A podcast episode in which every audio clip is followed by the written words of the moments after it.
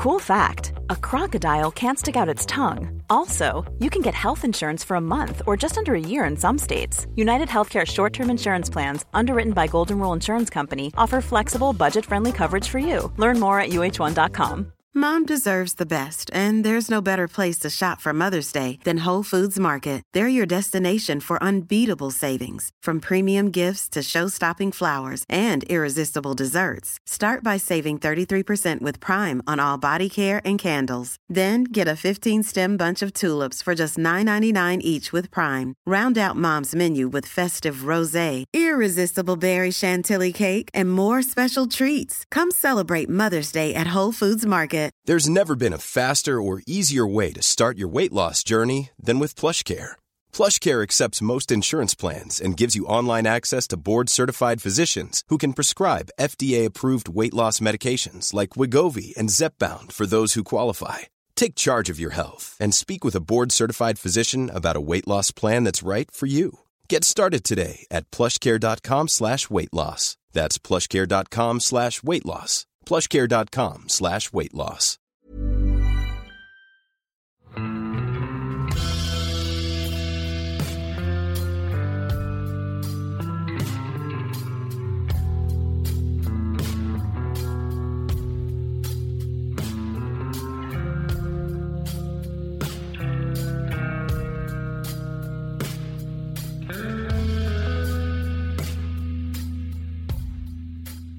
Hei og velkommen til podkasten Uteliv. Mitt navn er Randulf Valle. Og i dagens episode så har jeg fått besøk av Jan Eilert Pedersen. Hjertelig velkommen. Takk. Ja, Det er faktisk episode nummer 100 av podkasten Uteliv vi har kommet til, så det er et aldri så lite jubileum her i dag, Jan Eilert. Ja, det, det må vi feire. Det skal vi gjøre. Vi kan prøve å lage en eh, fest av en episode i eh, første omgang. Mm.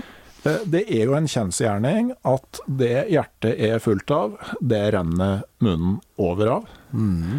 Og i dag skal vi snakke om et tema som står begge våre hjerter ganske nære. Absolutt. Vi skal snakke om Finnmark, om å være på tur i Finnmark. Og da, eh, da er vi jo to søringer som skal snakke om, eh, om det, da. Så, eh, så det er jo på en måte sånn rammevilkårene er. Altså jeg er nå søring og har alltid hatt lyst til å ha med deg som gjest her i episoden. Du bodde jo seks år i Kirkenes tidlig på 2000-tallet, Jan Eilert? Ja, vi bodde vel i sju, tror jeg. Eh, men det var seks av de åra som jeg eh, hadde det villmarksprosjektet, som, som vi ikke kommer sikkert innom. Ja, du ga jo ut ei bok som er 'Nord i villmarka'. Ja, gjorde det. Eh, og vi flytta jo nordover som eventyrlystne søringer. Og følte at vi blei litt finnmarkinger. Det er jo sånn at han må jo ikke bo der i tre generasjoner for å føle seg sånn. Eh, og så blei vi der til 2007, og jeg var jo ansatt der i noen i noe engasjement noen år seinere også, så jeg har vært mye i Finnmark. Ja, også når du flytta sørover, så flytta jo Hilde og jeg nordover. Sånn at til sammen så har vi jo vært til stede i Finnmark i omtrent eh, ja, 16 år omtrent, da. Så, så vi har jo vært der ei stund. Og jeg kan jo med hånda i hjertet si hjertesida i hvert fall at begge døtrene mine er finnmarkinger. De er født i Hammerfest begge to. Ja, så det. Jeg har bare én som er født i, i Kirkenes, og to barn som, som vi fikk etterpå, da. Som er søringer. Som er søringer. Skikkelig søringer. det, sånn kan det være. Men, eh, øh, men øh, vi tenkte altså Vi skal uh, prate om, om Finnmark. For jeg, vi, jeg får jo en del spørsmål. Folk har hørt om Finnmark, har drømt om Finnmark. Men så er det det å finne ut hva slags tur skal du dra på. Altså hvordan gjør du det? Eh, Så jeg tenkte å dele opp det her i to episoder, hvor vi ser på vinterturer. Og så utpå våren så kommer vi med en episode om, om sommerturer. Mm. Men jeg tenker på sånn, det prosjektet som ble Nord i villmarka for deg, altså på de seks-sju årene du var i Finnmark, så hadde du jo over 1000 soveposedøgn. Altså, Og jobba Ja. eh, som sykepleier ved sida. Eh, så det var jo et veldig intenst liv. Jeg jobba jo intensiv masse nattevakter på sykehuset i Kirkenes. Og så, eh, så fort nattevaktene var over, så var det på tur. Og så prioriterte jeg da hardt med å bruke alt av penger på fri, egentlig. Og det er utrolig mye tur man kan få i nærområdet hvis man prioriterer det og er i den fasen av livet at eh, man ikke har gjeld og har muligheter. Så det var mye permisjon uten lønn, og prioriterte egentlig knallhardt på, på reise på tur. Så det var alt fra eh, ukesturer til to ukersturer, månedsturer og noen flere månedsturer også. Så eh, man, får, man kan liksom få det til, da. Mm. Enkelt når man bruker villmarka i, i, Norge og i nærområdet sitt. Eller villmarka, hvis vi skal bruke det begrepet, da. Eh, jeg føler jo at det er villmark når du kan gå eh, 10-15 mil uten å krysse en vei. Eh, er det for meg, da, eh, villmark. Men eh, det kan være sikkert dem som har andre oppfatninger om begrepet. Ja, det, men det, altså, det, det, er jo på en måte en definisjon på villmark, men det er jo ikke sånn begrepet nødvendigvis brukes av folk. Men, men jeg husker jeg jo jeg lagde jo et portrettintervju med deg i bladet Friluftsliv da du ga ut den boka. Da husker jeg du var ganske sånn tydelig på at det var en helt bevisst vurdering. altså Du hadde den trangen til villmarksopplevelser, men at det blei Finnmark og ikke Alaska eller Canada eller noe sånt, var rett og slett fordi at hvor kunne du få mest villmarksopplevelser for de penga du hadde, og det, det blei Norge. Selvfølgelig. Det er åpenbart. og Eh, jeg var vel ikke så opptatt av navna, at det skulle være Alaska og, det, og Canada. Det høres jo veldig tøft ut, ikke sant? Og for mange så gir det flotte assosiasjoner, da. Men eh, det er så fine områder i Norge at eh, jeg har jo hatt noen Jeg har jo vært i Alaska også, har vært i andre land, og, og det er jo Det er jo litt paradoks, egentlig. reise, reise det er, det er, større, men hvis du reiser på, på tre uker til Alaska, da, så, så er det begrensa hva du greier å se på tre uker. Mm. Så hvis du bruker det, alle de pengene på fri til å reise i norske villmarka, så blir det en lengre tur. Ja, det er absolutt det. Altså, det, det er noe jeg har vært innom i, i podkasten her tidligere, at altså, sånn, hvis du har mye tid, mm. så trenger du ikke på langt nær så mye penger. Nei. Mm. Så, eh, og så er det jo veldig fin eh, lokalitet for opptak i dag. Vi sitter godt inne i skogen på ei gammel eh, hytte som er pussa opp. Nå er vi ikke i Finnmark, men i ditt hjemfylke Telemark. Mm. Mm. Så det er jo det er jo, det er jo, litt, det er jo litt sånn samme type stemning som både jeg og du har opplevd i gammer og ødestuer og og, og, sånne overnattingssteder som står åpne i, i, Finnmark mange plasser, ikke sant. Mm. Det, det, er enkel eh, Eller enkel vedhom, mm. og så lett tilgang på vann. Og da liksom det er den største lykken i verden å bare komme inn og fyre opp i ovnen, og, og, så eier du verden, egentlig. Ja. Er, du får jo veldig sånn Primærbehovene kommer veldig tett på. altså hvis du en førjulsvinterdag i Pasvik med 25 kuldegrader, så er tørr ved og en stor eh, kaffekjel um, og et sted å rulle ut soveposen, det, det, har veldig mye å si, det, altså. Mm. Mm. Men jeg tenkte jeg bare kunne begynne med altså noe, noe, av det folk lurer på, er jo hvordan kommer man seg til Finnmark? Ja, det, Finnmark det, For mange så høres det jo ut som det er veldig langt unna, og det er jo òg det. Men men uh, flere plasser i Finnmark det går jo direktefly fra Gardermoen til uh, både Alta og Hammerfest òg, tror jeg. Nei, ikke fra det er, Alta og Lakseelv. Og, og, og, Kirkenes. Kirkenes mm. går det direktefly. Når vi bodde i, i, i, Finnmark, så var det jo ikke så vanskelig å komme seg sørover hvis han ville. Jeg kan ikke si at vi gjorde det så ofte, men det var noen begravelser og sånn. Mm. Eh, men det er lett å komme til Finnmark. Eh, det å sette seg på fly og Kjører du bil, så tar det jo lengre tid, selvfølgelig, men eh. Ja, men det, er ikke så ille. Altså, sånn Google Maps i Trondheim, Kautokeino, drøyt 16 timer ja. gjennom Sverige. Og så faktisk ikke mer enn 19 timer Oslo-Kautokeino. Ja vel. Og det jeg har kjørt noen ganger, og eh, jeg tenker sånn, det som har funka for meg, er å liksom dele det opp i firetimerssekvenser. Ja vel. Og 16 timer er jo fire ganger fire, det er ikke så ille. Og, og, fordelen da er jo at du har eh, mer muligheter til å reise rundt når du først er oppe der. Så jeg tenker mm. kanskje en ukestur, så er det klart da bruker du opp mye av tida på å sitte i bilen. Men når du begynner å passere to uker, hvis du skal mm. gjøre litt forskjellige ting og sånn, så, og spesielt hvis du er flere som kjører sammen, da. Ja, eller, så, eller så kan du jo Det har jeg gjort etter jeg flytta sørover. Ta fly opp og, og leie, en, uh, leie en bil, rett og slett. Mm. Uh, det har vi gjort på noen turer.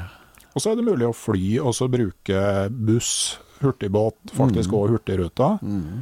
Uh, og, og, det fine da er jo at du kan starte å gå et sted og komme inn et annet sted. Mm. Et godt tips da, det er jo å sjekke buss- og hurtigbåtruter før du bestiller flybilletten sørfra. For det er jo mange sånne bussruter som ikke går hver dag. Og, sånn at hvis du bestiller et fly som kommer fram to timer etter at bussen gikk, og det er to dager til den går neste gang, så, så er det litt uheldig. da. Det, så, men, men og så kan man, når vi snakker om vintertur, så kan det være greit å vite at kortbanenettet ute på kysten Mm. Det er ikke alltid at du kommer fram dit du hadde tenkt, når du hadde tenkt, når du begynner på det her. Det er mye dårlig vær. Og det kan være stengt i hele uka? ja, det, kan det. Og liksom eh, at du du skal til Honningsvåg, men, eh, men, du kan havne i Finland i verste fall. Da. Så, mm. så det, det, det, er litt sånn annet uh, prinsipp der, da. Men, uh, men det er stort sett rimelig greit å komme seg oppover. Men men sånn vinteren, da, altså når kan vi si, når, når begynner sesongen for vinterturene? Når begynte den for din del, sånn på året? Ja, det er sånn eh, Nærmer seg jo mørketida, da. Eller eh, kan si de indre Eller der jeg likte å være mest tidlig på vinteren. Det var jo Pasvik og Anárjohka og Nord-Finland, egentlig. Skogene i Nord-Finland. Der det var brensel og vindstille og lunt, egentlig, på den tida. Og, og når første snøfallet kom, det kan jo komme fra slutten av oktober til litt ut i november. Og det er jo ikke mye sol i begynnelsen av november i, i, i Pasvik f.eks., men uh, man merker faktisk ganske stor forskjell i november på dagslys i Pasvik, altså Øvre Pasvik i Vaggetem, enn i Kirkenes, det er ti mil. Så en eh, kan faktisk merke det i, i, den perioden. Så jeg vil si det er sånn slutten av oktober, begynnelsen av november. Da begynner vinteren. Mm. Eller mørketida, i hvert fall. Ja altså De fleste har jo nå fått med seg Lars Monsen, ikke sant, som hadde sin første Nordkalotten 365-tur i, i, Pasvik. At du kunne gå liksom litt på isen og sparke litt i furuene og, mm. og, og, sånne ting. Men du tok det der litt sånn videre etter hvert, og begynte med ski og pulk? Ja, ganske tidlig så forflytta vi oss. Det, det, når isen begynner å legge seg og blir sikker, og vokser eh, og blir stålig stålis, så forflytter du det utrolig lett lettvint på vannet. Og har du eh, trekkhund, da vi, den tida vi var der oppe, så hadde vi hver vår trekkhund. Så da ble det jo det her å forflytte seg på vannet nesten som kanotur på sommeren. Altså han bar pulk mellom uh, hektene på Enten hekta han på sekken eller dro han på lyngen mellom vanna, og så navigerte egentlig etter vassdraga, da. For å få enkel forflytning. Og da, da, går det jo unna, ikke sant. Når du har en uh, og det blir fort 15-20 cm med stålis, det er helt trygt. Og, og, og, fortsatt en god del lys, sånn veldig sånn rødlig, rosa lys hvis det, hvis det er klarvær. Utrolig flott stemning i de skogene, da. Jeg sier hele Nord-Finland også. Og, og Anarjokka, hele det beltet der, er jo sånn utrolig flott i den tida. Mm. Sympatisk trekk med Pasvik er jo at det er mye åpne hytter, ødestuer, gammer. Mm. Som litt, noen av dem står jo på kartet, andre krever det litt mer detektivarbeid å finne. Men mm. det står åpne hytter med veldig sympatiske dagsavstander imellom. Mm. Ja, på tida, men på den tida der eh, brukte ikke hyttene så veldig mye. Det var hvis det var sånn skikk skikkelig grisevær og det blei litt vind og sånn, men på den tida er det jo ofte veldig stabile vær, i hvert fall sånn som jeg husker det nå, begynner å bli noen år siden. Da selektiv hukommelse. Men veldig mange turer minna seg med fint, eh, klart vær, egentlig. Lite vind. eh, Og da er det jo ingenting som er bedre enn å ligge under åpen himmel, egentlig. Nei. Så vi lå, jeg lå ikke noe veldig mye i telt heller på den tida, men veldig mye under eh, stjernehimmelen, da. Mm. Og det er jo noe med, med Pasvik at eh, det er lav horisont, høye himler, Mm. eh, nordlys, Mm. stjernehimmel, altså klarvær enten du får nordlys eller ei. Det, er- det er spektakulært, altså. Ja, det blir jo mye, mye himmel, og så har du jo også det her i egentlig hele regionen, da. Eh, Når det blir så flat horisont, så får du jo en veldig villmarksfølelse, sjøl om du er 500 meter fra veien. Du trenger ikke reise så langt, for du har ikke noen holdepunkter. Når, at, eh, når du har eh, forlatt bilen, om du drar en kilometer eller to, eller to mil, så ser det jo helt likt ut, nesten. Så det det er litt forskjell hvis, er litt, hvis du er i et område med litt mer topografi. Så, så vet du Da kan du jo i mye sterkere grad relatere deg til terrenget. Mm. Sant? Så det er jo veldig fint i, i de områdene, da. Mm. Og så er det jo fint i Pasvik så klart videre utover vinteren òg, men eh, det, det kan jo være et område som da kan være litt tungt å ta seg fram i. Altså, nå, nå kjører jo reindrifta ganske mye der med scooter, sånn at det er en god del scooterspor rundt omkring. Og, og det kan ofte være lurt å prøve å finne et av dem og legge seg på, da, for uh, utafor dem så kan det være temmelig tungt å ta seg fram. Ja, le- hvis vi flytter oss litt lenger ut på vinteren, i hvert fall eh, sånn du kommer ut i, ut i mot juletider, og eh, da begynner det å bli litt snø, ikke sant? Og da blir det bunnløst. Men i den første fasen, så er det jo så, eller første tida, så er det jo så lite snø òg. Så det, det det er en veldig fin periode. Det kommer når det nærmer det jul, og det kommer en sånn da er det Da kan det jo mange som skal på vintertur i de skogene, eh, som kommer litt seinere på vinteren. De oppdager jo egentlig kanskje at det her var ikke et område som var veldig ålreit å reise på vintertur, fordi at de må slite så.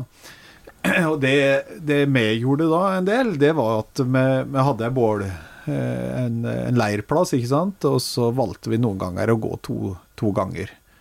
Altså du gikk mesteparten av etappa og tråkka spor, og så lot det sette, sette seg. Og så kom det jo med pulka og pargas og hele greia, og da har det jo satt seg. Da er det jo greit å gå. Så eh, det er nesten mindre strevsomt det, da, enn å gå og tråkke i løssnø. For det blir ofte løssnø helt eh, midt på låra, da. Ja, så Da var det rett og slett altså du kommer frem til leiren, og så kan du rigge leir, og så tråkker du spor for neste dag. Ja. Og, øh, til, fram til neste leir, og så Ja. går du tilbake til leiren og overnatter der. Ja, nettopp. Og det er en eh, grei måte å gjøre det på. Eh, Man kan selvfølgelig også ha gjort mye det. Og når du har trekkhund, da, så, så det, det blir jo at du går foran og vasser da, og, eh, og tråkker spor for bikkjene.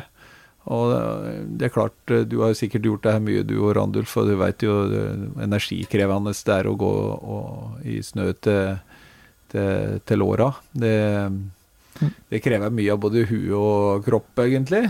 Man blir litt sånn Da er det lettere når at det sånn kommer litt lenger ut på vinteren sånn, å bevege seg på vidda, f.eks., der vinden setter snøen og Mm. Mens i disse strøka så setter ikke vinden snøen. Den, eh, Nei, det er først egentlig utpå våren når du får øh, sola omdanne snøen og det blir skareføre. At, Ja. øh, Skares, hvis han er i disse skogene gjennom vinteren, så går han jo lengter etter skaresnø, og den kommer jo ikke før til våren. nei. Og ganske seint òg, egentlig. Ja. Men som en sånn fin sesongstart, da, så, Ja. og så er det jo altså mye av Pasvik eh, Hvis du holder deg inn mot finskegrensa, så, så kommer du jo litt høyere opp. eh, Og, og der går det jo ofte skuterspor langs reingjerdet mot Finland. Ja, det er ikke så veldig mye, egentlig.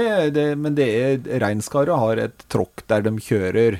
Men det er ikke noe åpne skuterspor i Pasvik inn mot eh, inn mot den ryggen der, men det, det, det, det dann og vann så går det en scooter. Så jeg hadde jo mange turer egentlig der den herre eh, Scootersporet som var noen dager gammelt, dem eh, var feika igjen, men bikkjene greide å lukte seg fram til det sporet. Og i skogen så er det ganske greit å finne ut hvor sporet er under, da. Mm. Eh, litt vanskeligere er jo det oppe i høgda, selvfølgelig. Mm. Men eh, det, kan seg, det kan jo sette seg litt opp i høgda der.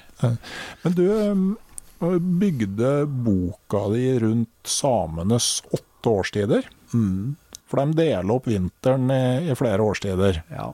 Og det, det er jo litt sånn naturlig når du opplever det. Egentlig. Det er sånn jeg ser året også.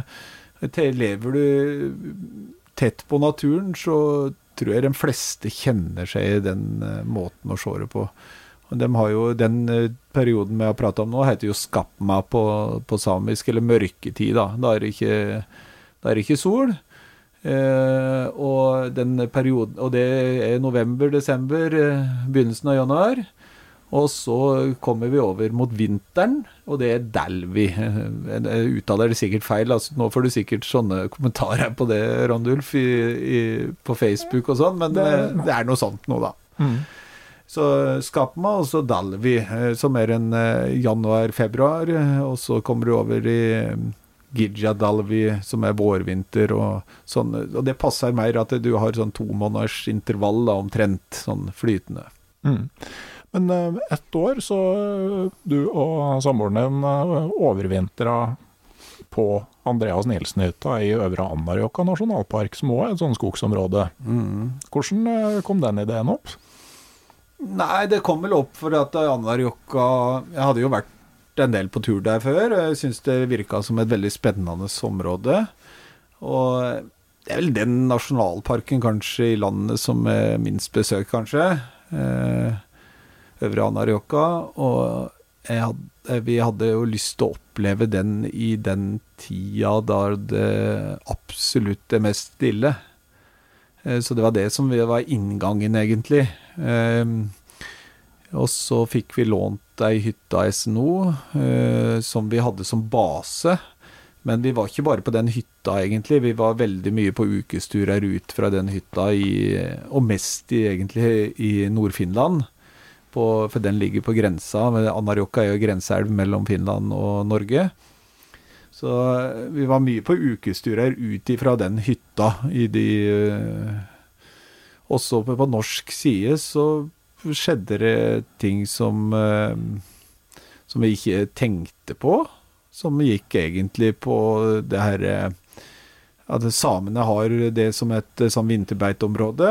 Eh, Så den sidaen, da, altså den reindriftssidaen, det er på en måte en familie, eh, en familie da, som samarbeider om en, en reinstamme, kan du si. De, de, hadde, dem fikk med et veldig ålreit og, og greit forhold til, egentlig. Så dem, dem var vi en del sammen med. Mm. Det hadde jeg reingjeterhytte ikke så langt unna, da. En mil unna, eller halvannen mil, eller et eller annet sånt unna. Ja, men jeg husker fra boka at det var sånn, dere hadde så vidt telefonforbindelse på finsk nett, og at det kunne komme en melding om dere kunne være så greie å stikke bort og fyre opp. Ja, det er faktisk sant. Vi hadde, vi hadde finsk nett på da hvis telefonen, og det ikke var mye snø på trea, og den sto på en vedkubbe på høykant i vinduet, så kunne vi få SMS. Mm. Og da, da han eh, ene kompisen som var oftest innom, da, for han hadde en sånn eh, runde Han kjørte rundt det området, for da så han om reinen hadde trukket inn og ut av det sporet. Så da hadde han kontroll på flokken sin. Men de, jo, de ferdes jo bare med scooter, så de har jo, det har jeg opplevd flere ganger i Finnmark. De har mista litt avstandsfølelsen på å gå på ski, da. Så jeg husker ikke jeg lenger om det er mil eller, eller to opp til den hytta, men eh, det er i hvert fall en dags eh, Det blir en skikkelig dagstur. Så vi var oppe og fyra opp, da. Vi gjorde det. Så um, i bytte mot to musefeller, tror jeg. Hvis jeg husker riktig. Bra. Men uh, områdene inne, altså Anarjoka, altså sånn, det er jo områder som ligger sør for Karasjok og Kautokeino. Altså sånn grei plass og, og mm, finne et kart det er jo nordatlas.no. Som jo er et sånn eh, godt kartgrunnlag for, eh, for Finnmark, som også, du kan få opp litt sånn ekstra info, bl.a. scooterløypene, som, eh, som tidlig på vinteren er greit å merke seg, spesielt hvis du skal gjennom bjørkebeltet. Mm. Absolutt. Mm. Det, det, den tida var det Husker jeg jeg brukte mye energi på å fø- finne ut hvor gikk det scooterløyper. For det var jo ikke På den tida så var det jo ikke noe Det var jo ikke noe oversikt over det. Så jeg- skrev brev til alle kommunene i Finnmark å få kart over scooterløypene, husker jeg. For det å bruke scooterløyper eh, på sånne transportetapper eh, kan være veldig greit, da. Og du forflytter deg jo litt raskere på det. I, inne i Anárjohka så er jo det, skut, det er jo ei skuterløype som går inn til Andreas Nilsen-hytta litt utpå vinteren. Eh, så jeg husker jo godt når de kom og merka, for den går på elva, når de kom og merka den løypa. Men jeg, jeg tror ikke vi så noen Nei. som kom eh, på scooter inn utenom dem som kom og merka den eh, løypa. Og sjøl så hadde jo ikke vi utgangspunkt fra Karasjok. Vi kom eh, fra den finske bygda Angeli, som har 16 innbyggere, tror jeg. Mm. Eh, og der eh, via en anestesilege eh, på Kirkenes sykehus, så hadde han en kompis osv., så, videre, så vi fikk lov å parkere da den der hieisen eh, hos den reinskaren. Og, og så fikk vi Fikk vi satt eh, Det var det da cirka ja, kan, kan vel være en 15-16 km kanskje fra Andreas Nilsen og jeg veit ikke, kanskje et par mil, jeg husker ikke lenger. Men i hvert fall, det, et, eh, det var en litt, litt jobb da, å komme seg ned når han måtte ned til bilen. da. For vi var i bygda, eller Cecilie var i bygda en tur, da, for hun fikk tannverk i februar, tror jeg. Så hun måtte til tannlegen.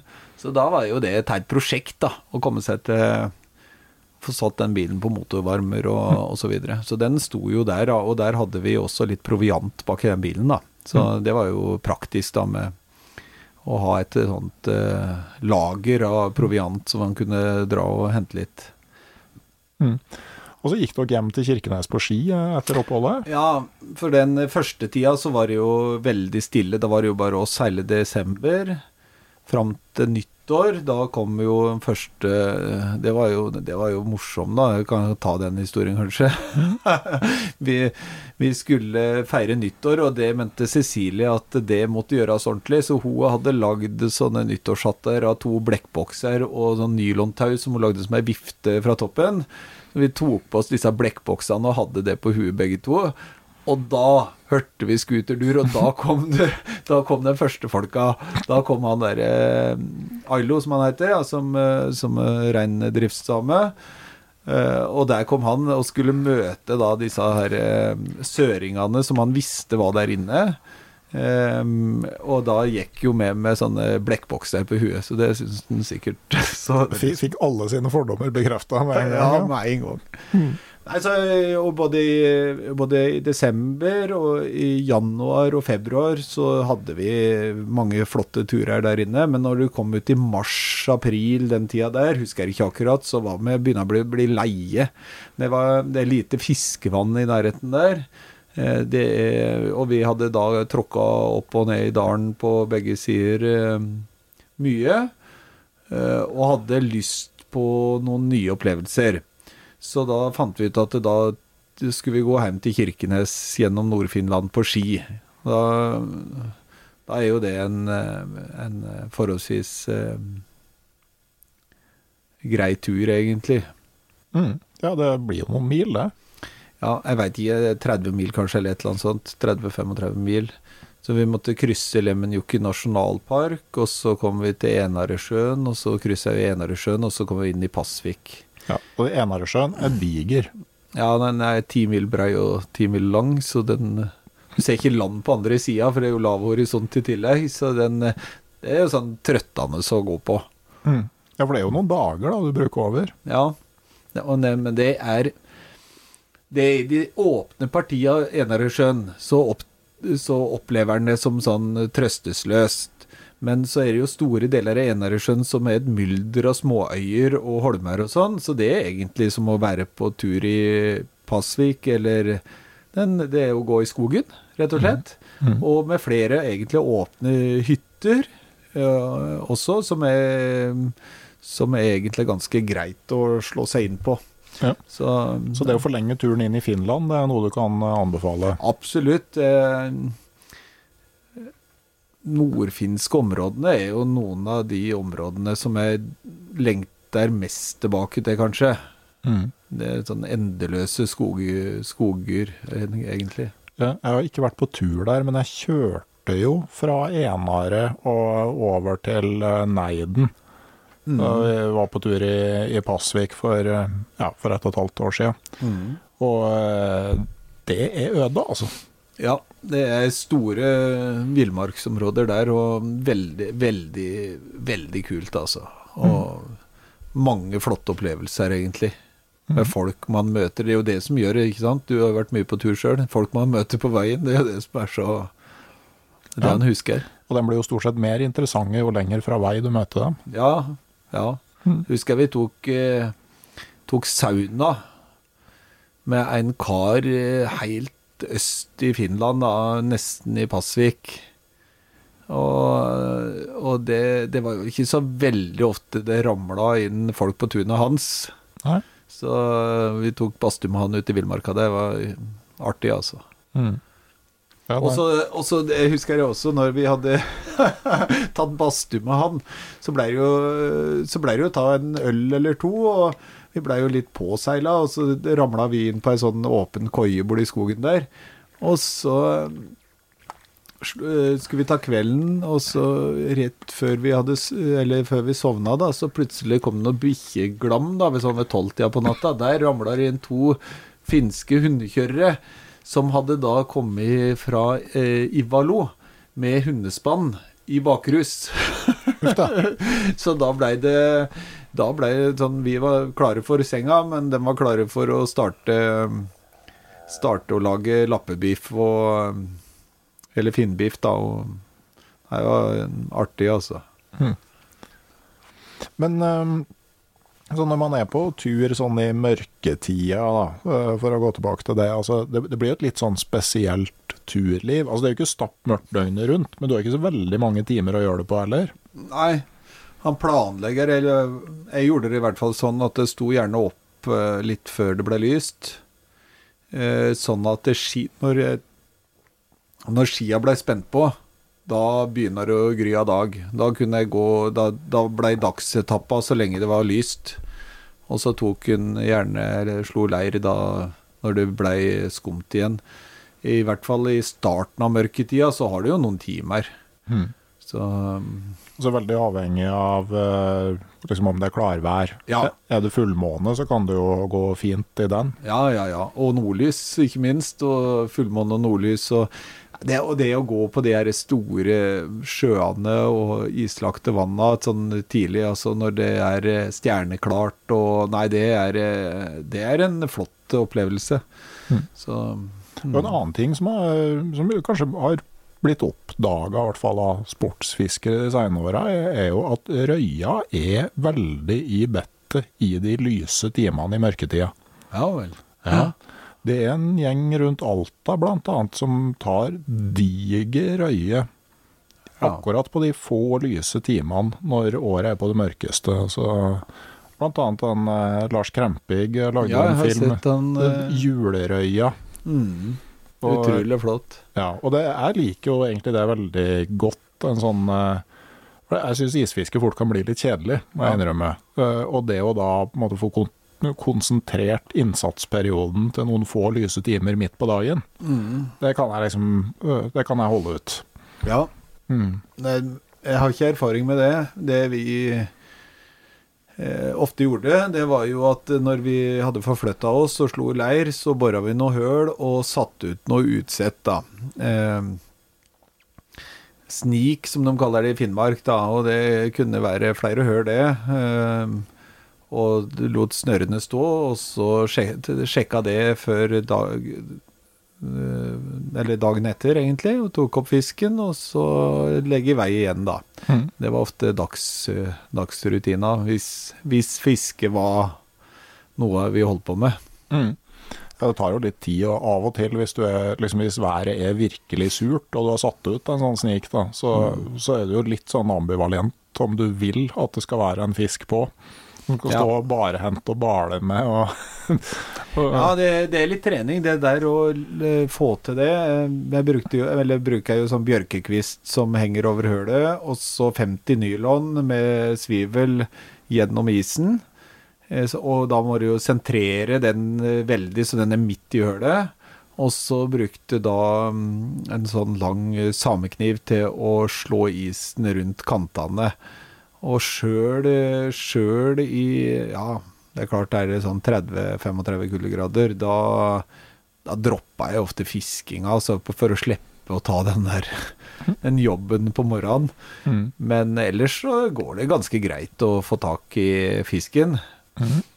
Og Ok, jeg skjønner noen som har mer rutine enn meg på det her.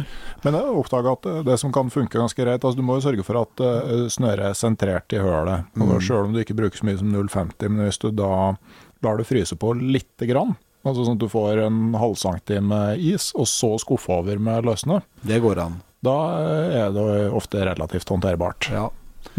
Ellers må du få fisk, da, vet du. Så da Men eh, når, fisken, eh, når du har fått fisk, og hvis det ikke har fryst først, det er jo det som er ille. Sånn at eh, den nylonen har da fryst i kanten av hølet. Mm. Da må du, da må du bruke da kniven sånn at du, du får Du må stikke hele armen nedi, så du kommer på nedsida der du har fryst, så du får tak i nylon på nedsida. Mm. Så du får opp fisken, så du i hvert fall ikke ødelegger fisken, da. For Mhm. det, det syns jeg er litt sånn inhumant, da. At noen fisk skal gå med krok i kjeften. Så, eller i halsen. Så jeg syns det er viktig det å få opp fisken. Så, men det er gode det, det går greit, det der, når han bare har eh, tumla litt mer. Men det er litt kaldt da, når det er 30 kuldegrader og du skal ha he- hele armen i hølet. Ja, jeg berga en sånn ganske fin ørret. eh, Det var liksom inn på, eh, på en annen del av i Finnmark. Med, det var hånda Den datt av kroken på vei opp i hølet. Og, Ja, og så kjørte du hånda etter. Ned til skuldra. Ja, det har jeg gjort flere ganger. og da er lykkene desto større når han kommer opp. 1,7 kilo. Oi, oi, oi! Ja, det var skikkelig, da. Ja, den var såpass stor at det var det som, den der skulle jeg ha. da. Ja, ja. Mm. Så, men eh, eh, det er jo et sånn veldig fint tidspunkt akkurat når sola kommer tilbake. Mm. Eh, så Jeg hadde en sånn fast turkompis da, vi, da jeg bodde oppe her. Vi dro ut ei lita uke akkurat da. Mm. Så Jeg, jeg syns det er sånn fint liksom, å få tilbake sola etter at du ikke har hatt den på en stund. Enig i det. Da, i, de, i den tida av året, det, da begynner vi å komme Kirkenes, jeg tror det var 17. januar, eh, der omkring.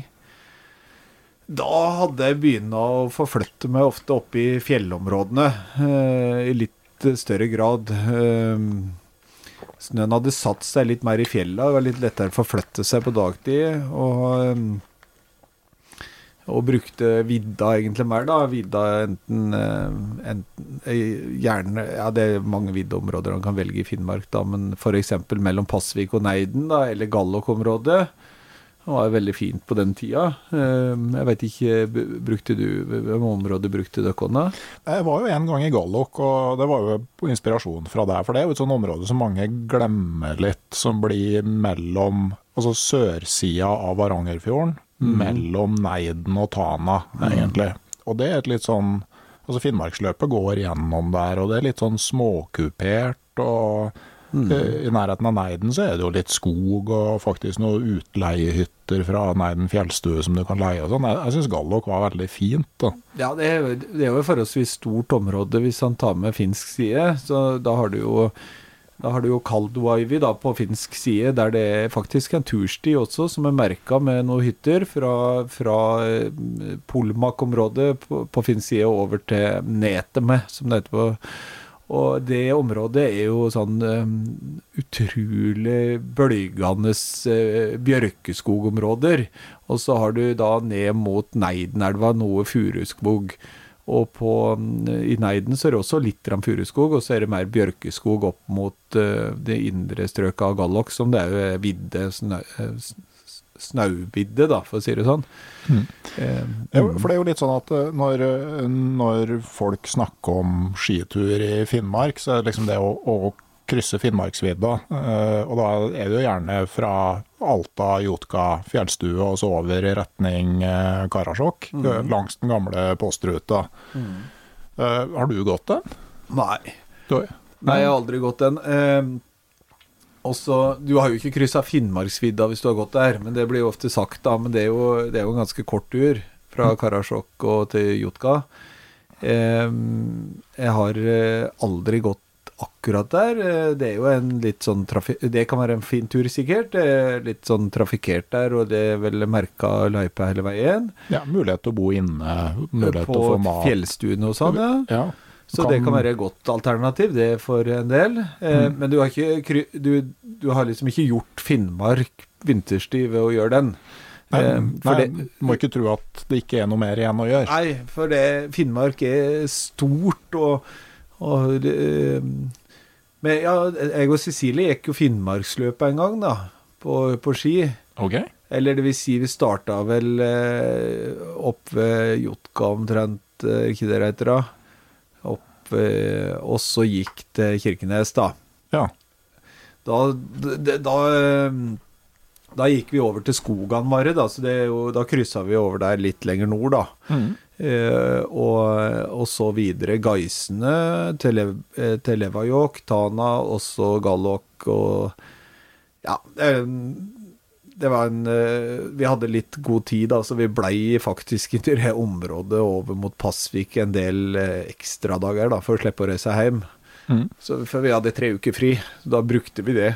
Eh, Var det da dere var innom og traff Tanabreddens Tana Breddens Hemingway på Levajok fjellstue? Ja, det gjorde vi! Ja. Ja, det var helt utrolig. Det var en fin fyr. Altså, han, fikk, han drev og skrev på boka si, Ivar Fjelle. Han eh, Ivar Fjelle, var det Ivar? Hauge. Ivar Hauge, ja. Mhm. Ivar Hauge. Det hørte det var noe feil. Ehm, Ja. han hadde en utrolig spennende livshistorie som han fortalte om, så det, det ga inntrykk. Ja, ja, for han var, jo, han var jo med i finske vinterkrigen. Ja, og så var han eh, politimester i Bombay. Nei, han hadde Nei, jeg, jeg kan ikke gjenfortelle alt, da, men det var, han var jo gullgraver, og, og så er det jo den Ja, folk kjenner han vel kanskje fra den tida han eh, var med Torbjørn Tufte, Mm. er ikke det han heter? Jo. Han villmarksforfatteren, eller sportsfiskerforfatteren, som, eh, som ga ut mange bøker og var redaktør i Villmarksliv, han ikke det? Jo. Og han er jo omtalt i bøkene til Hans Lidman, eh, som en gjenganger her i podkasten. Svenske sportsfiskeren og Ja, ja. som skriver om, eh, om Hauge på, på Levajokka. Mye med laksefiske der, da. Ja, ja. Men eh, det var jo det var ikke så lenge etter det her at han forlot denne verden. Nei, han døde en stund seinere, da. Jeg mener det var i 2006, og så brant han- fjellstua i 2007. Ja, akkurat. Jeg, jeg tror han syntes det var moro å, å prate med folk som var glad i fjellet, og glad i eventyr, egentlig. Mm. Og um, han hadde um, Så hadde han Vi satt i en um, peisestua på Levajok uh, og nippa til en cola og hørte på han en hel kveld. Så det var en uh, flott opplevelse. Mm. Vi hadde, vi hadde Jeg husker det var like etter en skuddårsdagen. For at vi peisa på over fjellet for å komme til Levajok, for jeg var jo litt redd for at Cecilie skulle fri. Så da, da måtte jeg holde dampen oppe, så vi møttes, og det var, det var skikkelig surt. Så vi møttes sånn midt på dagen til, en, eh, til litt rosiner og nøtter. Mhm. Eh, For det blir jo ofte sånn når du går på sånne turer, at du går i 55 minutter, hviler i fem kanskje, og så fortsetter du sånn i etappevis. Mm. Men da droppa vi nesten pausene, for at det, ellers så kunne hun finne på fri. Ja, men kjære deg, altså sånn ei dame som vil være med deg og gå fra Alta til Kirkenes, og det ville jo være fullstendig krise hvis hun fridde. Ja, ikke sant. Men Det, det, sånne, Også, sånne, jeg blei jo litt fornærma òg, vet du, for altså ikke fridde. Så jeg lurte på det dagen etter om hun ikke Om Bare ta- ikke bare ta var, var klar over det, og at granseringer ikke vokser på tre. så, nei, det var, og så rett etter det så eh, kom vi inn til Levajok og Ivar Hauge. Og, nei, det var, nei, det var artig, artige minner. Mm. Ja, Nei, for det, da, da er du òg liksom ved foten av Laksefjordvidda, som, eh, som jo da er, er kanskje et om, annet område som folk kanskje har hørt om, som det er større enn den, eh, den vidda man krysser hvis man går fra Karasjok til, til Alta. Altså, Ja, og det, og det har jo det, det har jo så mye mer, det området. Eh, På mange måter òg. Det har jo høye fjell. Ja, det har jo egentlig Ja, det andre områder, hvis du er ser stort nok på det. ja, for det er jo ikke sant at eh, det, det området måte, mellom Alta og Lakselv altså, det, det er flott, jo flott og fint ja. å gå på ski hvis du holder deg i den vestlige delen av det, men Nettopp. øst for Stabburselva Ja. og inne i nasjonalparken, der eh, er det høye fjell, og det er elv, og det er fiskevann, og Furuskog til og med har det med i det området også, så det, Ja, det, så- det er ganske mye innafor hvert av de områdene. Ja, så det er liksom litt Men bare vær litt grann kreativ om du vil til det området. En fin, eh, altså en fin tur er jo hvis du tar flyet til Alta og så bussen opp på Sennalandet. Og så kan du nå begynne å gå. Da. Kanskje ender du i Karasjok, kanskje ender du på Skoganvaret, og kanskje går du tilbake til Alta. Mm. Og du må jo ikke gå, hvis du begynner med Sennalandet, så må du ikke gå den gamle ruta til Stabbursdalen. Det går an å ta seg en sving og gå Du skal ikke gå så langt unna for å finne de her eh, perlene som Nei. du aldri glemmer. Men Laksefjordvidda er jo eh, veldig fint, og, eh, og altså, i Fjordfjellet så er det jo en god del scootertrafikk, men det nå kommer du jo ganske fort unna. Så har du nå på en måte et sted å starte, og det er vann overalt. Og det er vinter lenge, Ja. ikke sant? Eh, På, på Ifjordfjellet og oppover mot vannskillet der, og det er jo det er jo ute du kan, Etter 17. mai er det topp å reise på tur der. Ja, for det, med- det er jo noe med sånn vårvinteren i, i Finnmark er jo er, Altså, jeg syns jo egentlig det er den fineste tida, sånn fra et godt stykke ut i april og så ut sesongen. Altså første leiren på barflekk. Ja, det er et høydepunkt. Eh, samtidig Jeg liker jo den tida kanskje best nå, men på den tida som jeg var så mye på tur så var jeg så, da var jeg så Kom ut på i mai, så var jeg så veldig klar for å, å ha sko på beina, ikke ski. Ok. Så eh, det var ikke alltid jeg trakk til de områdene på, på sånn mai-skitur, egentlig. Kunne jeg kanskje sette pris på 17. mai-tider, så kunne jeg kanskje sette pris på skogene igjen. Ja, du var jo veldig på det der med tiurleik. Ja, det var jo en besettelse for deg, omtrent. Ja, det er det nesten fortsatt. Men altså ikke å reise og se på tiurleik, for det har jeg gjort mange ganger, men å finne nye. Mm. Jeg syns jo det er veldig artig å oppta, finne nye leiker og se ulike leiker. og Det ble jeg ganske god på, så jeg veit om mange tiurleiker i Pasvik f.eks.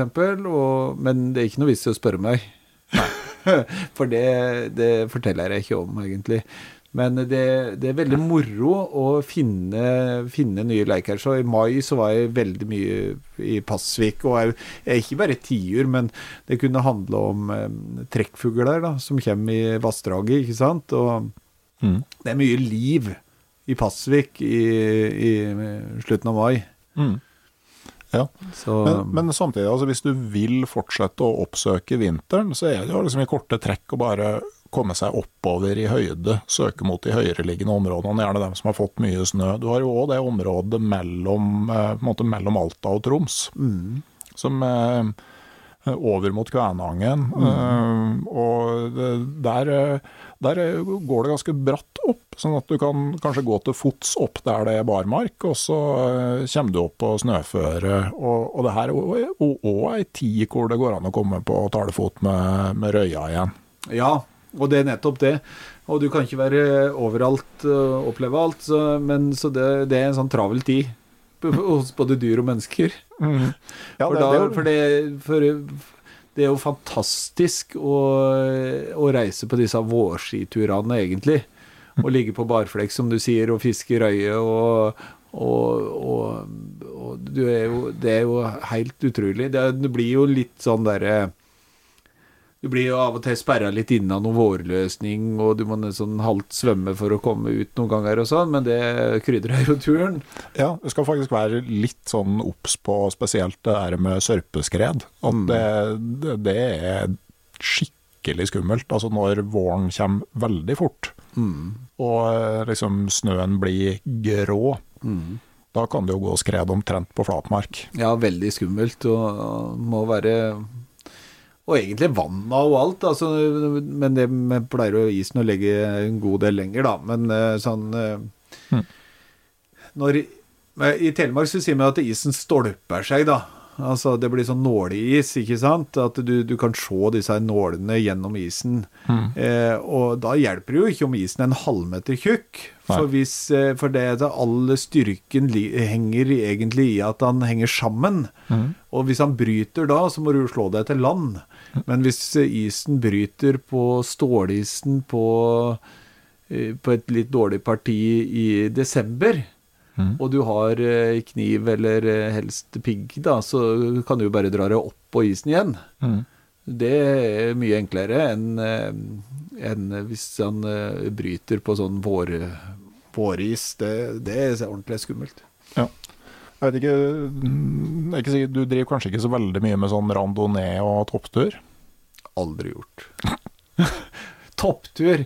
Eh, Jeg var faktisk i Børgefjell en gang. Og det, var så, det jeg har skjønt det at det er ikke så ofte er så klarvær i Børgefjell. Og jeg lå under Kvigtind, og det var helt blå himmel. Ikke, ikke, ikke et vindpust, ingenting. Det, det var ikke noe i min fantasi som skulle få meg til å tenke på å gå opp på Kvigtind. Hvorfor ikke? Det, det har eh, På den tida i hvert fall, så var det skjella det der og opp. Det har aldri En inn, lenger inn, det har jeg vært glad i. Men eh, opp Ja ja, det kan være fint å gå på en fjelltopp for å få litt utsikt, det er ikke det, men jeg har aldri vært sånn Det har aldri vært noe sånn besettelse for meg, i hvert fall. Nei. Nei, for det som er ikke sånn med Finnmark, at i, i Vest-Finnmark så har du jo en del områder hvor du kan drive et mer sånn alpint friluftsliv, også på ski, altså loppa. Eh, og eh, Seiland, kanskje? definitivt. Det er jo en av måte, drømmeområdene mine, da, hvor du både kan gå ja, ligge i telt og gå på ski i, alpint terreng, men òg drive med rene toppturer i områder hvor du er omtrent alene. Og så har du i Loppa så har du liksom eh, Finnmarks svar på den franske haute route. Eh, H-en er stum, men min fransk alle all- hadde tysk, og jeg var ikke noe flink i det heller. Så haute route. Eh, og da starter du på havnivå hver dag, og så er du oppå en bre og over 1000 meter hver dag, og ned igjen til sjøen på andre sida. Det var en sånn eh, tredagers eh, tur eh, i et område som er ekstremt spektakulært. Altså når du har 1000 meter topper som stuper rett i sjøen. Absolutt. Og det er jo litt spesielt i Finnmark òg, det her med sjøen som eh, Ja, det, du, driver, du kan drive fjellfriluftsliv helt ved sjøen. Og den tida der, da, som man, eh, hvis han ønsker da å være litt mer i Ta Varangerhalvøya, da, for eksempel. På vårsida. Der er jo vinter eh, lenge i de høyeste områdene. Men nede ved, nede ved sjøen så våres det jo, ikke sant. Og det er jo litt spesielt å, å fiske krabbe og koke i eh, det er russekrabbe, ikke sant? Og så koke det på bålet, og så på samme turen som du reiser og fisker røye. Ja, det, det absolutt det er eh, rype og måke i samme luftrom. Ja, og, eh, ja, ja. Så, så kysten er jo også på, på, på snøføra, altså for så vidt sånn som Sørøya, som du kan gå på langs. og og, og kystområdene Nordkinn, Varangerhalvøya. På Varangerhalvøya så har du jo også, åpne hytter som da går eh, fra Kongsfjord til Komagvær. Gamle s- Der er jo, det er jo kort mellomrom mellom noen sju kilometer. Kule navn på de hyttene. Men, men det er jo Jeg vet ikke hva din opplevelse, men det var jo områder jeg ville reist til på sommeren.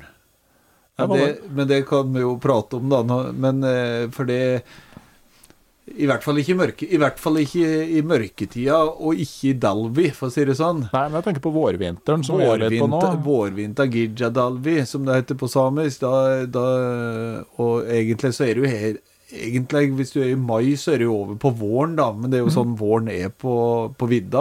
Det er jo fortsatt sjo, og så er det jo sommer etterpå. Ja. Og det, nei, for, for jeg, jeg, var der eh, etter påske et år. Eh, Starta uka etter påske, det var jo dønn stille. Ja. Og, eh, og de hyttene heter jo liksom Ragnarok og Helheim og sånne ting. Og så la jeg på Bjørnskarhytta mm. og leste boka om partisanene i Finnmark. Ja, det var nok spesielt. Ja, for det var da jeg fant ut at det var to agenter som ble skutt mens de lå og sov i sengene sine på akkurat den hytta. Mm. Så det er litt sånn Da kom historien tett på. Mm. Ja. Det var nok en fin opplevelse, det. Jeg var sterk, i hvert fall. Ja, ja vi tror det. ja, ikke så veldig overtroisk, men uh, Nei, Det var ikke sånn at du følte at uh, her, her, er det noen i rommet? Nei, jeg hadde ikke, noe, hadde ikke den følelsen sjøl, jeg må innrømme at jeg kjente etter. da. Ja, for, for, det er jo sånn, En liten digresjon på det. da, så det var jo noen ødestuer i nærheten av, av, Kirkenes som var litt mer besøkt. Eh, og det, det, er jo ikke alle som er født med den der villmarks At du skal legge fyrstikker under og, og ferdig oppnøring klart, ikke sant? Nei. Så det, de, de hyttene som er nærmest, de blir jo De kan jo bli litt Det kan jo bli sparsomt med ved, da, for å si det sånn. Så jeg, jeg, spredde egentlig et rykte, må bare beklage det, på Kirkenes sykehus om at det egentlig spøk, spøkte i den ene villmarksstua der. At det, at det, der gikk det igjen Det gikk igjen noen i den hytta der. Mm. Det tror jeg det, det tror jeg hjalp litt, for det var ikke så veldig masse skriverier i hytteboka etter beitet, så det fikk, fikk ned besøkstallet. Jeg var på, det er jo digresjon. Jeg var på hytte i Sunndalsfjella i sommer, leid av fjellstyret. Jeg synes det var litt rart. Alle de andre fjellstyrhyttene var fullbooka hele sommeren. Her var det god plass, da, så jeg booka flere dager til meg og jentene. Og der leste jeg hytteboka at det var liksom velkjent at der spøkte det. Oh, ja, akkurat så hadde sin forklaring der ja, det, det, jeg tenker jo som ok, det var derfor ingen hadde booka seg inn her, da. Men Randulf, må vi ikke hive litt i ommen? Jo, jeg kan gjøre det. Jeg er jo sånn Jeg har jo stillongsen på. Ja. Du, du, bruker den hele året, ikke sant? Nei, ikke hele året, men uh, Faktisk så er, bruker jeg mye longs. Det må jeg innrømme. Og lue? Og lue, ja. Jeg har alltid lue sommerstid med meg i, i sekken, ja. ja. Og, og, på vinteren, altså den når vi er på Jeg, vil, jeg vet ikke om vi skal innom bekledninger, men i, i den mørkeste tida, da. Mm og kaldeste tida, så har jeg vært oppe i tre stillongs her. Mm -hmm. Men stort sett så bruker jeg jo um, to tynne. Og så hadde jeg av og til en sånn der tjukk, sånn grå strikka Forsvaret Sanda. Mm -hmm. Hvis jeg ikke brukte den bobleanda som du kunne kneppe, vet du, hvis du husker den. Ja. Så um, For jeg hadde jo den, eller har egentlig den uh, filosofien at du kan nesten ikke kle på deg nok Eh, på eh, beinknokler. Nei. Altså, jeg, jeg kler på meg mye på eh, over rørknoklene på beina, ikke sant? Mm. Og så kan jeg jo tillate meg å gå ganske tynnkledd under skalljakka. Det mm. der spjellet er, det er der utluftinga er, og lua selvfølgelig. Men eh, også kuldefølelsen, den kommer jo Det her har du prata med andre om, tror jeg, men uh, kuldefølelsen kommer jo ofte i, rundt sentrale organer. Det er der du kjenner frosten, ikke sant. Så tenker folk at det, da må du ha på deg mye mer der, men jeg får på mer uh, fottøy. Ja, det, det var faktisk Øystein Wiggen, Sinte-forsker, som påpekte at Og så er det jo litt for at du har færre temperatursensorer nedover fotene, sånn at mm. du kan være kald nedover lårene uten egentlig å merke det sjøl. Ja.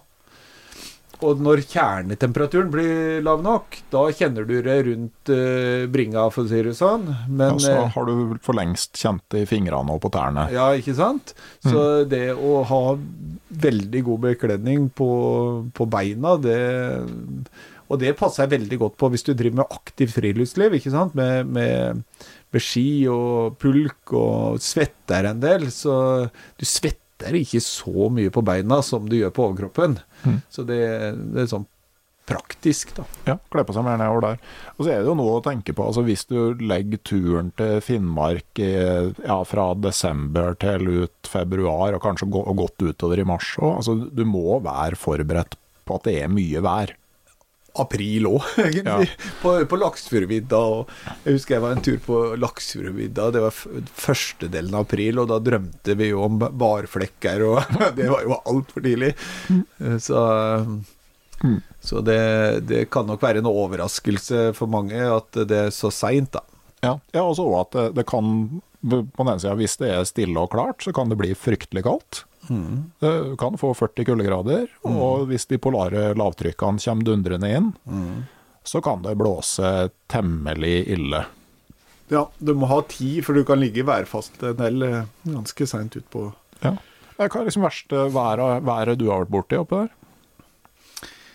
Eh, nei, det veit jeg ikke, men jeg, har, jeg husker jo at jeg har ligget eh, Jeg lå jo faktisk værfast inni på Laksfjordvidda, og det har jeg gjort flere ganger, både med Cecilie på tur på jeg hadde, jeg hadde et prosjekt som heter Én måned på Loffen på Laksfjordvidda, der vi gikk eh, fra Sirma, tror jeg det var, og så gikk vi inn på Laksfjordvidda og rusla litt hit og dit, og så havna vi i Tana til slutt. Det var ikke lang tur. Eh, så eh, da la vi værfast, jeg husker to-tre døgn, tror jeg. Eh, men det var jo mest av sikt. Altså det var totalt whiteout, og det var litt sånn småkupert terreng, så ville ikke gå på GPS eller eh, kart og kompass, da. I, det vil si, vi prøvde. og så Jeg husker jeg gikk, og jeg trodde jeg gikk over sånn flat myr. Og så dukker det opp en sånn reinsokse sånn 20 meter lenger framme, og så tok jo den grønlandshund helt av, da. Og det var jo kjempebra. Og så datt jeg jo rett ned. Hm. Det var, det var faktisk ikke flatt der. så det har jeg fått litt respekt for. Men eh, jeg har ligget i orkanen, da, inne i samme område. Eh, Ja. På en tur som, eh, som Tom i Båtstrand, og jeg gikk og da lå vi værfast eh, sammen med Alexander Gamme, faktisk, når han gikk den der eh, Et prosjekt han hadde. Da lå vi værfast i orkan i Oppe i litt eh, vest for tre, treskillet i Laksjokka, var det vel. Da var det grisevær. Mm. Skikkelig. Men en måned på Laksefjordvidda, det må ha vært helt fantastisk. Mm. Bare, hva gjorde dere? Vi var på tur. Loffa hit og loffa Loffa hit. og- hit og dit, og fiska og Jeg tok eh, Husker du det bildet jeg tok flokker, Flokker i fjellet? fjellet. Åh. Ja, Mm. det tok jeg på den turen. Og da Det, det var jo en opplevelse, men uh, Ja, du kan forklare, ja, forklare, forklare. Bildet Ja, hvordan er det bildet? Ja, det bildet er jo, det er jo 63 ryper som sitter i et landskapsbilde med en reinsflokk i bakgrunnen. Mm. Eh, Det er jo ikke så ofte man eh, får den muligheten. Jeg tror ikke jeg skjønte det akkurat tok det heller. At eh, det var en eh, At det ikke skjer så veldig ofte. Og det og Ikke nok med det, men rett før det bildet var tatt, så tok jeg jo to kilos kilosfisker. Mhm. Så det er jo sånn eh, Der kommer villmarksopplevelsene etter hverandre. Ja, for det med, med foto ble jo en Du starta jo på en måte flytta nordover med omtrent med kompaktkamera, og så balla det på seg gjennom de årene der. Jeg hadde speilrefleks, eh, og jeg hadde et digitalt Jeg var vel hadde vel et digitalt eh, kamera, tror jeg. Mm. Eh, som eh, Men det kunne jeg ikke bruke til minner, egentlig. Fordi at det var ikke brukende. men det var brukende. Vi hadde jo, jeg hadde jo ei sånn nettside som heter villmarkshistorier.no den gangen. Ja, du var tidlig ute med det. Med, det var I like, i like måte. Jo takk. Vi, vi hadde Men du var jo lurer med domenenavn. da Vi lagde villmarkssida.no. For det første, den A-endinga den var jo ganske radikal. Så folk skrev siden, så måtte vi registrere et domene til. Så hadde jo to s-er midt inne i ordet, og folk skrev det ofte med én s. Så måtte vi registrere med én s òg, så vi endte opp med å registrere fire domener for å få For å få ruta trafikken? For å få all trafikken som vi hadde eh, tenkt på. Så man, man lærer jo litt. Men, men du hadde villmarkshistorier.no. Ja, og det var litt artig. Vi, så vi, følg, vi har jo fulgt hverandre egentlig litt fra den tida, Randulf. Ja, ja. Og, og du og Bengt hadde villmarkssida, og så var det en, eh, en tusen turtips en, eh, Det var i Båtsfjord, i? Båtsfjord, og Jon, Jan Vidar Dale eller noe sånt, en hundekjører. Og så, så var villmarkshistorie. Det var ikke så mange den gangen, Nei. men nå er det jo bloggere, og så vi oppdaga jo hverandre, da. Det ble jo en sånn eh, det? Det er sånn I retrospekt så var det Ja. veldig tidlige villmarksinfluensere. Ja, ja, det var egentlig det. Nei, og eh, det jeg brukte den eh, sida til, var jo å fortelle litt om eh, turopplevelser, da, egentlig. Eh, og, eh, og naturformidling ble jo en sånn eh, hobby Det ble jo mer enn en hobby etter hvert. Ja, jeg jobba jo litt med det noen år òg. hadde noen sånne Jeg ga jo ut den boka, og så, jeg, så skrev jeg jo en eh, god del for Villmarksliv og en del andre blader, og så hadde jeg noe sånne utstillinger, faktisk, innafor foto. Ja, for det var jo liksom to ikoniske bilder du hadde. Det ene var jo 'Flokker i fjellet'. Ok. Og så, jeg tror du vet øh, altså, Nei. Jo, det, det er øh, lommen i takeoff. Okay. Det var sånn Det er i hvert fall sånn der de lom i motlys på lang lukkertid i takeoff. Og, øh, og øh, jeg mener å huske at det her var jo liksom på en måte ikke helt og ikke så skarpt bilde av en lom, liksom, sånn at du var veldig nære å slette bildet fra minnekortet akkurat da det var tatt. Sånn, Ja, det er godt mulig, det. Eh, Jeg husker ikke akkurat det. Jeg husker jeg tok det på, på natta. Mm. Firetida på natta. eh, I nærheten av Kirkenes.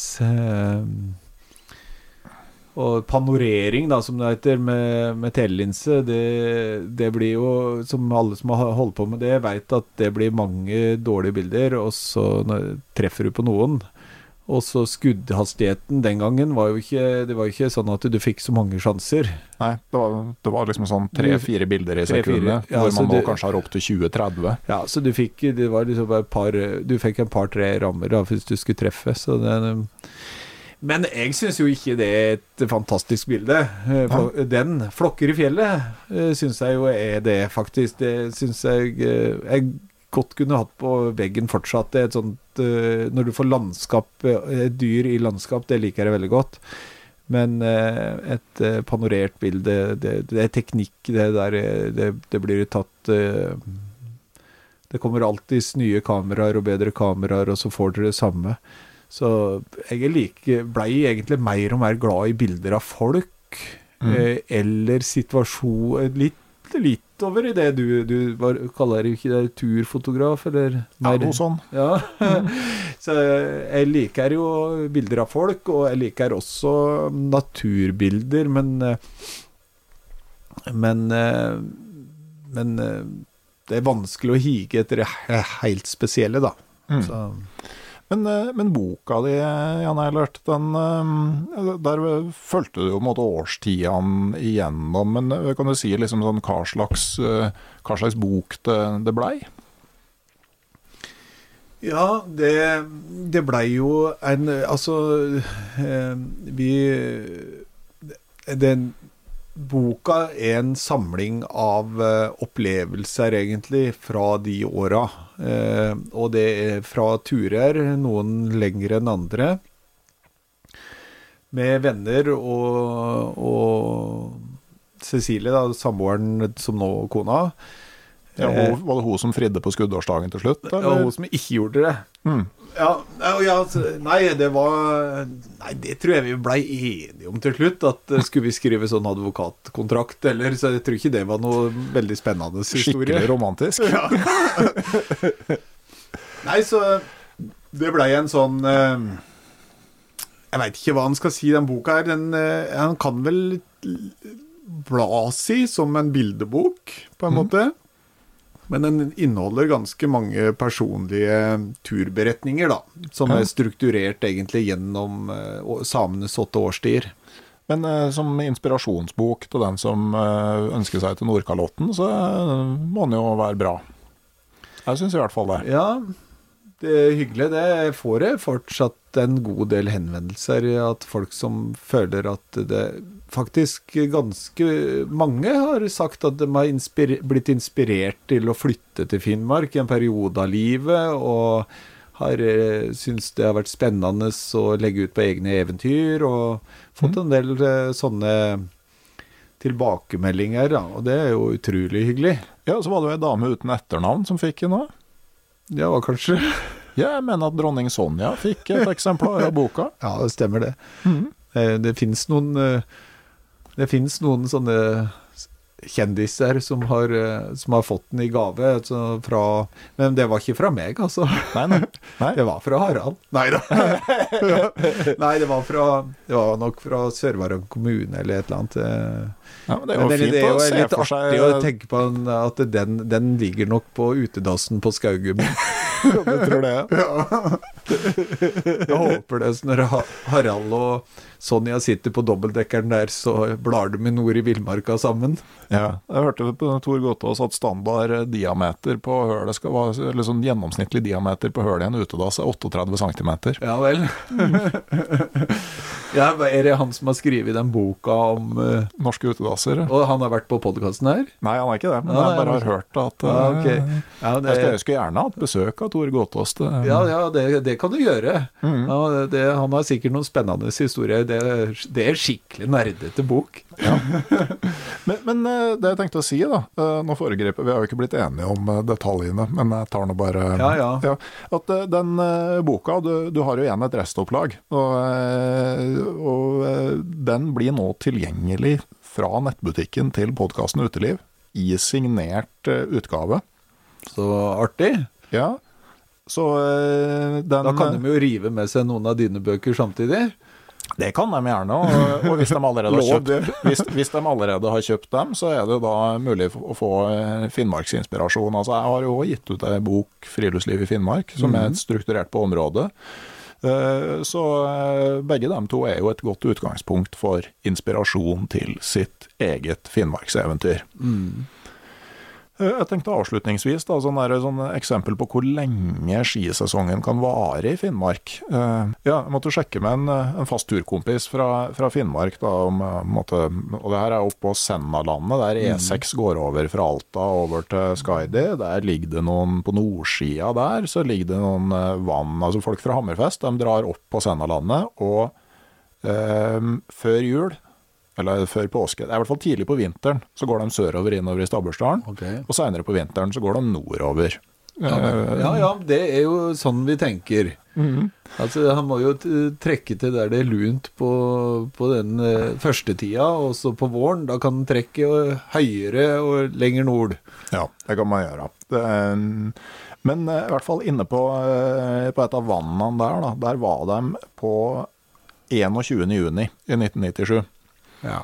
Eh, Det er jo vel sankthansaften, her, kanskje. Det er to dager før, eh, før sankthans. Eller er det, tre, er det 21., kanskje? ja Nei, det er noe sånt. Ja, Det- eller 23., Men det er, vel, det er vel årets lyseste dag, tror jeg. 21. Det, men, men uansett. Når snø Nei, er det ikke et sånt ordspill på det? At når skaren, Snøen Når skaren bærer en mann til sankthans, så blir det sein vår. Ja, de sier det. Men da var det 1 meter og 35 centimeter is på vannet. Ja, akkurat. Og de gikk på ski og dro pulk ut Ja. igjen. Ja. Men da er det også da, to uker etterpå, så var vannet isfritt. Mm. Sånn ja, at, eh, det går fort når, det- når det drar på. Ja, og det er jo noe å være obs på. Altså, sånn, jeg var langt inne i Øvre Anárjohka i, i mai, og beinhard skare, men bare sånn eh, perlesukkersnø under skaren. Så du følger ganske nøye med på utviklinga på den eh, skaren. Ja, på den tida, det er jo egentlig samme her sørpå, det at eh, hvis, eh, hvis du Det er jo monsterskare på den tida. Altså det er jo beinhardt så lenge nattefrosten holder. Men så fort nattefrosten går, da er det jo bunnløst. Og da, hvis du er milevis inne på fjellet da, så kommer du deg nesten ikke ut igjen, ikke sant? Nei. For, det, for da, da blir alt sukker. Så, eh, så det må en jo hele tida Den usikkerheten, det, den må en jo leve med, på en måte. Ja. Og følge med på nå, nå er det jo de fleste områdene kan du følge med litt værvarsel og Så, men det er jo på en måte hver, hver årstid sin, eh, sin utfordring. Så, mm. eh, og så En ting som det er greit å ha litt i bakhodet når man ferdes i Finnmark i og for seg året rundt, men eh, kanskje spesielt vinterstid, det er jo at det vi kaller villmark, det er jo på et vis noen andres utmark. Eh, du ferdes jo i området til, eh, til reindriftsnæringa. Mm. Ja, det bør en ha et, en tanke om, og særlig kanskje på vinterbeite. Eh, når rein er i et område på vinterbeite, eh, så det er litt avhenger litt hvor det er hen, så, så, kan det jo det å Eh, skremme en flokk, da, eller sette dem i bevegelse, være litt kinkig for de som uh, passer på den uh, flokken. Mm. Eh, og det er i, på, på, den Når de er på vinterbeite, så, så inne i Anarjokka f.eks., så pass, er det jo flere sidaer som passer på ulike flokker. Og det medfører jo mye ekstraarbeid hvis disse flokkene begynner å blande seg i hverandre og ferdes ut. Eh, så der bør en eh, egentlig snakke med reinpolitiet. Eh, kanskje, og, og, eller komme i kontakt, da. Og er en på tur, så bør en i hvert fall ta hensyn, da. og Mm. Ja. Jeg tenker sånn, Når du er på vei inn i et område hvor det er reinbeite, og du møter jo ofte næringa kommer på scootere. og mm. Og det å signalisere at du ønsker at de skal stoppe og ta en prat. Eh, de forteller litt om sitt, og du forteller litt om ditt. Og at du prøver å være litt sånn lydhør og villig til å endre planer. Mm. Det, det, det, er en nøkkel, tenker jeg. Sånn at du, du, du tar litt hensyn. og og vise at du er innstilt på å jenke deg og ikke stå beinhardt på ditt. Mm. Og, særlig, og litt utpå vårvinteren så, så Jeg husker jeg godt i Anárjohka, så ble vi jo litt rastløse. Og det var, syns du mye var noe rart, for det gjorde rein òg. Altså når det blir lysere tider, da er rein mer rastløs. da. Så å skremme en flokk på, i april, da, mars-april, i Gallok f.eks., altså kan jo de forflytte seg. Da setter du i gang en del bevegelse. Så, mm. mens i, så det være i dialog med dem, eh, lurt det. Ja, og du har liksom både midtvinter og du har periodene hvor reinen skal flyttes, og så har mm. du jo kalvingstida sånn mm. på sein vår, tidlig sommer, hvor det forstyrrelser er veldig uheldige. Ja. Så, eh, så, det er både sånn Ja, prøv, hvis du har større prosjekt, gjør litt. Ta kontakt med reinpolitiet på forhånd. Mm. Eh, få litt kontaktinfo til eh, folk mm. som, som driver der, og være lydhør under, underveis. Det, det, dreier seg jo liksom om å skaffe seg litt info og om å vise normal høflighet, tenker ja. jeg. Mm. Og det er jo dyktige fjellfolk i tillegg, da. Mm. Der kan det ligge noen gode fiskevann i potten.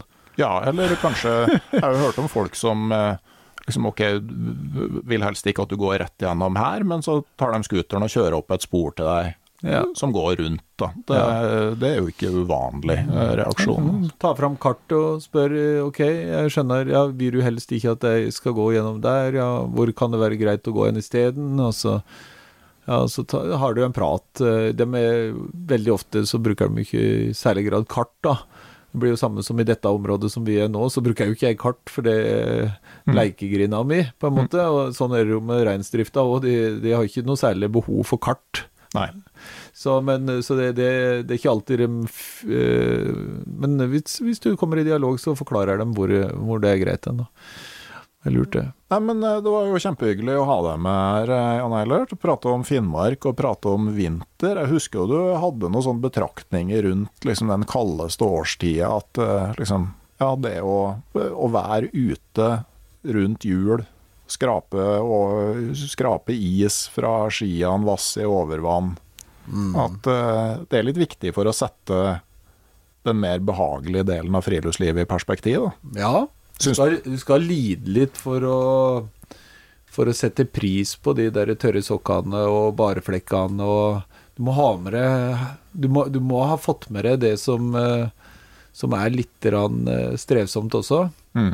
Og hvis du bare lærer å takle det, så er jo den belønninga utrolig, da.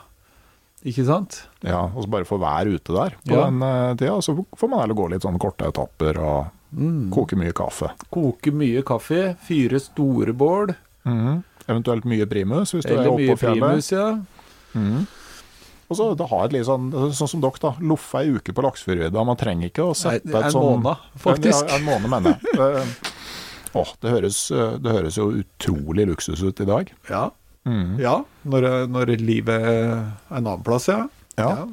Nei, så, men eh, det var jo en av dem som støtter podkasten på Patrion. Jeg lar jo alltid dem liksom få spille inn sine, sine spørsmål. Da. Og, og der var en som lurte på liksom, Får du finnmarksabstinens? Drar du ofte tilbake? Jeg drar sjelda tilbake. Jeg har vært på tur i Finnmark én gang, tror jeg. Men jeg jobba jo der litt opp til 2011. Eh, så da var jeg der en del, og så har jeg vært der en gang se- seinere, på fisketur med noen kompiser. Men jeg er nok sånn som person at eh, jeg liker å leve eventyret nær et kortreist, da. Og nå bor jo jeg på Tinnoset i Telemark, og det er mye natur her i nærheten. Og det er egentlig hele landet. Ja. Så, så jeg savner ikke sånt ekstremt Finnmark, men jeg savner folka. Og jeg savner noen ganger de her eh, Jeg savner fiske. det må jeg si. Ja. Det, for de må slite litt mer for de her eh, kilosrøyene sørpå, altså. Ja. Men eh, kan det òg være litt sånn at fordi at Finnmark på en måte var knytta til en annen fase i livet, så vil det uansett ikke bli det samme å dra tilbake? Altså det var knytta til den tida hvor du kunne stikke ut en måned? Og, og Ja, å- absolutt. Nå er livet i en helt annen fase. Og jeg har snakka med Cecilie om det noen ganger, at, eh, at kanskje når, vi, når ungene har flytta ut og vi ikke på en måte er der, da, så kan det godt hende jeg tar eh, Eller at vi reiser og tar en måned eller to i Finnmark. Mm. Det, det kan godt hende. Så Men det å se. dra, dra opp igjen nå for ei langhelg, det blir liksom uansett ikke den samme følelsen du hadde da? Hvis jeg skulle på en månedstur nå, så hadde jeg nok ikke valgt eh, Finnmark, tror jeg. Mhm. Eh, Det er ikke fordi at Finnmark ikke er toppers, men mer fordi at det er mye annet å se òg. Og jeg har, jeg har jo vært og bodd mye i naturen der oppe, på Nordkalotten, og det, det- er andre ting som jeg syns også Jeg er jo spent på sånne der småting i nærområdet mitt nå, egentlig. Mm. Yep. Men én ting, da, som jeg kunne godt tenkt meg. mm. Det er jo å kjøre hunden i Nord-Finland. Ok. Det og, og fyre av litt bål ved Enaresjøen, og så farte litt i Nord-Finland med hundespann. Det kunne jeg Og litt over norskegrensa, litt sånn. Vi får se om Ja. det blir bare en drøm. Det er mye annet å oppleve òg. Noen drømmer skal man ha. Ja, skal det. Men for dere som, eh, som har tenkt på det, altså eh, det, det er store områder. Du kan være ute lenge uten å støte på folk, og du kan koble sammen flere store områder. Sånn, hvis du krysser en vei én gang, så er de ute i et nytt, stort område, så du kan lage deg lange, lange skiturer. Ja. Og, det, og det er noe unikt med Finnmark, tenker Ja. jeg. Mm, det er det. Det, det er større villmarksområder. Eh, du kan si at eh, topografien er jo ganske flat mange plasser, sånn at eh, områdene er kanskje ikke Det er ikke helt sammenlignbart, men eh, områdene er eh, forholdsvis store, og flere av dem kan du jo holde på et helt liv bare i ett område. Mm. Altså, mange som har spurt meg om det, om jeg er lokalkjent i Finnmark. Og du er ikke lokalkjent i, et Finn, i Finnmark om du har tilbrakt tre måneder i ett type villmarksområde, f.eks., eller tre år, som jeg holdt på i naturen der oppe. Du, blir ikke, du, du lærer ikke alt, for du har ikke vært Du har ikke vært i Da må du, da må du bruke mye Da må du bruke et liv, da. Ja. Nei, det er alltid noe mer å finne Ja. ut av. Det er alltid noe mer å finne ut av. Og det, og det er jo det som er så fint. Altså, Mm. det, det er bare å komme seg nordover øh, og begynne å, å utforske, for det er nok der for et helt liv. Mm. Supert å få bli med på hytta di og snakke om eh, Finnmark, han har lært. Eh, Dere som hører på, husk at eh, Nord i villmarka nå er tilgjengelig fra nettbutikken til podkasten Uteliv. Det kan vel også fort hende at det kommer litt Finnmarksstoff på Patrion-sida til podkasten Uteliv. Jeg har tidligere også sagt at jeg driver og jobber med å bygge opp en ny nettside som bruker Patrion som innlogging. Hvor det etter hvert vil bli mye av det Finnmarksstoffet som ikke blei med i mi bok, som vil finne veien ut uh, i artikkelform til de som støtter podkasten via Patrion. Men uansett så er det bare ei uke igjen før det kommer en ny episode av podkasten Uteliv. Og inntil da, ha det bra.